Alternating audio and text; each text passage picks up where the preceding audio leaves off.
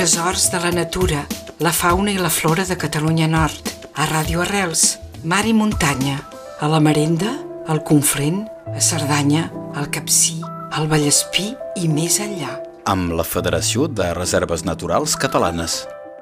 Des de l'estudi de Prada ens trobem amb la Maria Martín de la Federació de les Reserves Naturals Catalanes i coordinadora de Florarab. Finalment hi ha coses concretes i bon dia Maria. Bon dia Enric. Sí, sí, sí, aquestes últimes vegades hem parlat d'altres temes no? relatius en el, en el projecte Floralab, com ara el Festival de la Flora, les exposicions fotogràfiques dedicades a les plantes del Pirineu, però com ara ja sabeu, doncs, eh, aquest projecte europeu de cooperació transfronterera va dedicat essencialment a plantes rares i amenaçades de l'est del Pirineu. No? I avui doncs, m'he dit, va, doncs avui parlem d'una planta que, que és molt escassa a nivell del planeta, ja que és una planta endèmica de les del Pirineu i aquesta planta es diu Pedicularis asparagoides. Porta un nom una mica complicat, no hem trobat el nom en català. És una Pedicularis eh, a fulles d'espàrrec, per així dir-ho d'alguna manera, no? El podríem imaginar el nom en català ara mateix, no? Com, justament una parèntesi sobre el que eh, havíem de parlar. Com descobrim o com se fabrica el nom en català o en francès o en anglès? Bueno, sovint són, són traduccions més o menys eh, literals del que és el nom llatí, no? El nom llatí és el nom universal que es dona en els tàxons, ja siguin de flora, de fauna, eh, perquè tothom s'entengui, això ens ve des de, des de l'edat mitja, eh? perquè tothom s'entengui entorn al nom d'una espècie, no? ja sigui al Japó, a Europa, a Amèrica del Sud, quan utilitzem els, els noms llatins, doncs tothom els entén. I després doncs, hem anat declinant en diversos idiomes, sovint són traduccions més o menys eh, certes, no? més o menys eh, ben trobades a vegades, Eh, pedicularis realment no, no, no he trobat la transposició al, al català, en francès diem la pediculaire, veus, és bastant, bastant proper, i asparagoides vol dir eh, fos asperge, fals espàrrec, i això ve del fet que la seva fulla és molt, molt, molt retallada i pot fer pensar a, a les fulles dels espàrrecs, saps? dels espàrrecs salvatges. Per què és interessant anar a cercar aquesta planta? Bueno, aquesta planta, eh, molt concretament, doncs és una de les espècies que nosaltres tenim eh, eh, definides en el projecte Floralab com una de les plantes de, de, de gran interès en el marc d'aquest projecte, perquè és, com deia abans, un endemisme de l'est dels Pirineus. Recordo la noció d'endemisme de, per, per la gent que ens està escoltant. Els endemismes són aquelles plantes que no es troben en cap altre lloc del planeta que en una regió biogeogràfica que considerem. I en aquest cas, quan parlem de l'est dels Pirineu, es limita d'on a on? Exacte. En aquest cas, aquesta pedicularis eh, sembla ser que bueno, té una àrea de repartició molt reduïda que aniria globalment del massís de l'Albera, o sigui, ens hem d'imaginar, per exemple, les, eh, el pic del Salfor, les crestes de la reserva natural de la, del bosc de la Massana, eh, si anem tirant una mica més enllà, doncs, bueno, el pic Neulús, el, el Neolós, el Sant Cristòbal, i després fins a com més enllà s'ha trobat és la part de les salines, del pic de les salines, etc. I, i com a molt, molt, molt eh, cap al Vallespir.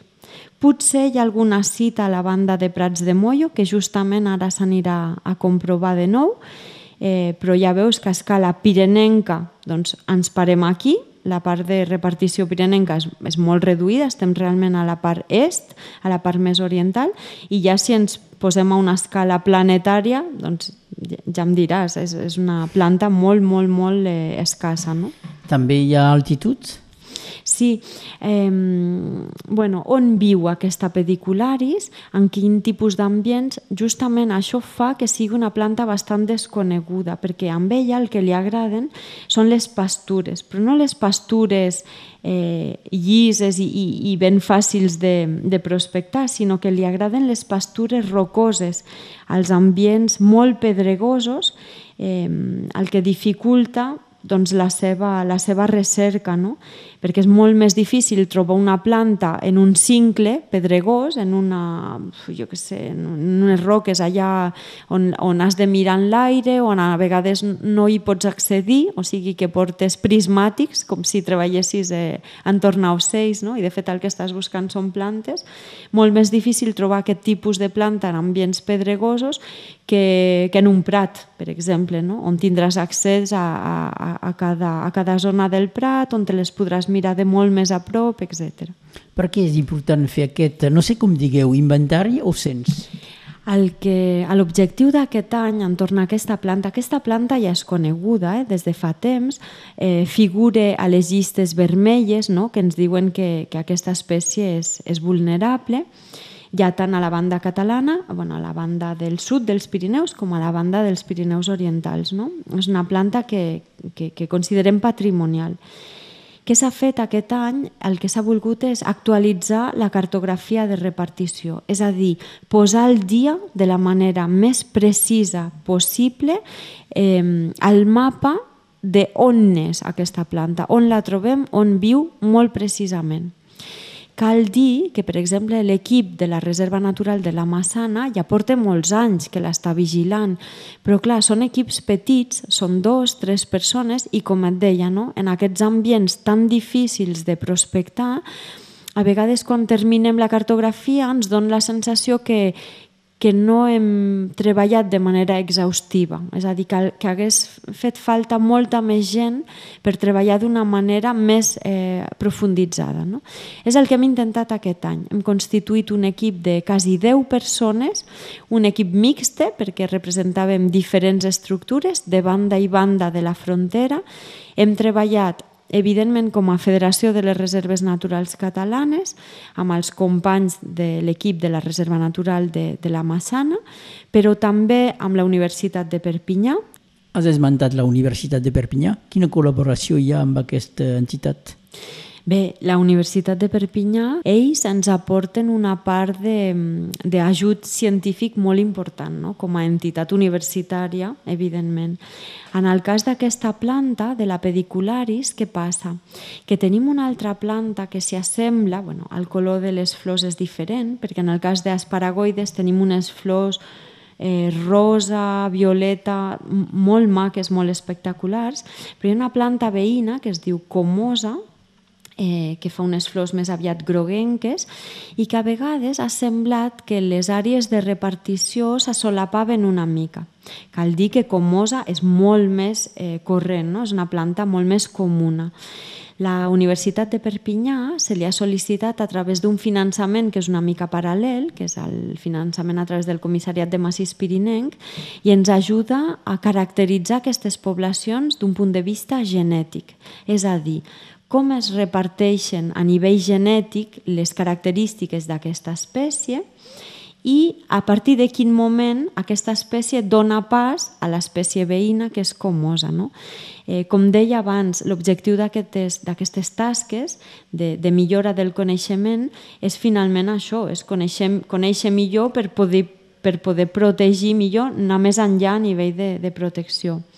Els treballs de genètica de les poblacions els estan portant dos investigadors essencialment, el Joris Bertrand de la Universitat de Perpinyà i la seva, la seva col·lega la, la Valérie Inou. No?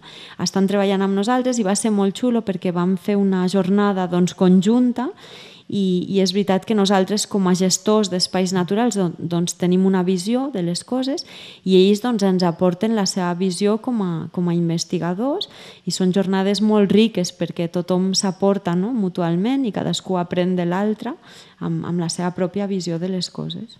També companys de la Generalitat de Catalunya perquè la banda sud finalment és la banda de, del paratge de, del massís de l'Albera i inclús la banda de les salines doncs la, les plantes no coneixen fronteres no? Estan, tan, estan en línia de cresta i de tant en tant desborden a la part nord a la part sud és a dir, no coneixen fronteres però evidentment és diferent al vessant sud que al vessant nord Sí, tens raó, Enric. Evidentment, no? les dues vessants són, són diferents, ja sigui a nivell eh, bio, bioclimàtic, per exemple, o eh, a nivell d'exposicions, etc.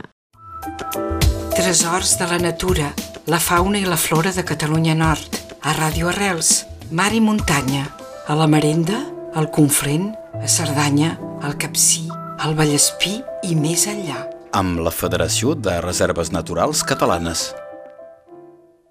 Uh, pel que fa a aquesta planta, els treballs que, que anem fent ja des de, fa, des de fa uns anys ens permeten veure que finalment li agraden molt les crestes. La línia de cresta, realment la frontera que separa els dos territoris, els dos països, Eh, I en aquest cas no sé si realment podem definir diferències entre la vessant nord i la vessant sud.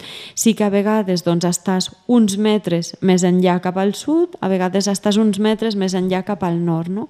Però finalment la gent s'ha d'imaginar una línia de cresta rocosa i on aquesta planta doncs, eh, creix de manera bastant aïllada, eh, per grupets, a vegades, de 5-6 mates, a vegades estan soles amb un cincle rocós, eh, de cop i volta te'n trobes 20 una mica més enllà, però sempre seguint aquesta línia, aquesta línia de cresta, no? que de fet és la frontera. I finalment, com, eh, com protegir? Perquè, segons el que m'explica, fins i tot se protegeix, eh, se protegeix ella mateix per uh, la seva ubicació. Sí, ten, tens molta raó. Bueno, com protegir? Jo, jo sempre dic el mateix, no? tinc la sensació de sempre repetir les mateixes coses aquí, però per protegir-la bé eh, l'hem de conèixer bé. I això explica aquests treballs que s'estan fent a nivell de cartografia, a nivell de genètica de les poblacions. Ara, ara us explicaré amb més detall eh, conèixer bé les plantes per saber finalment quins són els ambients on viuen, quins són els factors que les poden arribar a amenaçar. No? Un cop que tenim això ben identificat, doncs sempre és més fàcil actuar. En aquest cas, per exemple, eh, sí que creix en ambients molt rocosos, però sí que és veritat que de vegades eh, d'aquests cincles rocosos doncs ella baixa una mica i s'hi posa el peu, no? per exemple, d'aquestes barres de roca. I aquests ambients doncs, són, doncs, són ambients que són, que són pastures, que estan, que estan ocupats també pels ramats a la muntanya, ja sigui per estives, ben sovint són vaques, per exemple, en el cas del massís de l'Albera, doncs sí que s'ha d'anar amb compte amb, amb l'impacte que pot tenir, per exemple, un pastoreig eh, massa d'hora a, a la primavera, per exemple, perquè si, per exemple, les, els ramats mengen les flors abans que hagin fet eh, que grans, no? abans que, que hagin mm, acomplert el seu cicle de desenvolupament, doncs això a la llarga pot tenir un impacte molt negatiu en aquestes plantes. Ara bé, com has dit, sí que és veritat que per la seva ubicació eh, imaginem difícilment no? una vaca que, que vindria a, a menjar-se les plantes que estan en el cincle rocós. Ara, però, també podem imaginar les coses de manera diferent.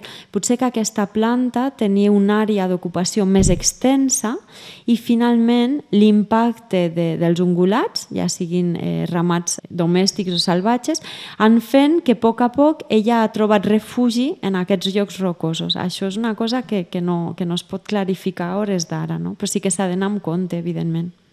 Maria Martín, hem parlat d'una planta que es diu la pedicularis asparagoides, que és la, la pediculaire a feuilles d'asperge, o fos asperge. Maria Martín, de la Federació de les Reserves Naturals Catalanes i també coordinadora del projecte Flora Lab. Moltes gràcies. Gràcies a tu, Enric. Fins aviat. Tresors de la natura, la fauna i la flora de Catalunya Nord, a Ràdio Arrels, mar i muntanya, a la Marenda, al Conflent, a Cerdanya, al Capcí, al Vallespí i més enllà. Amb la Federació de Reserves Naturals Catalanes.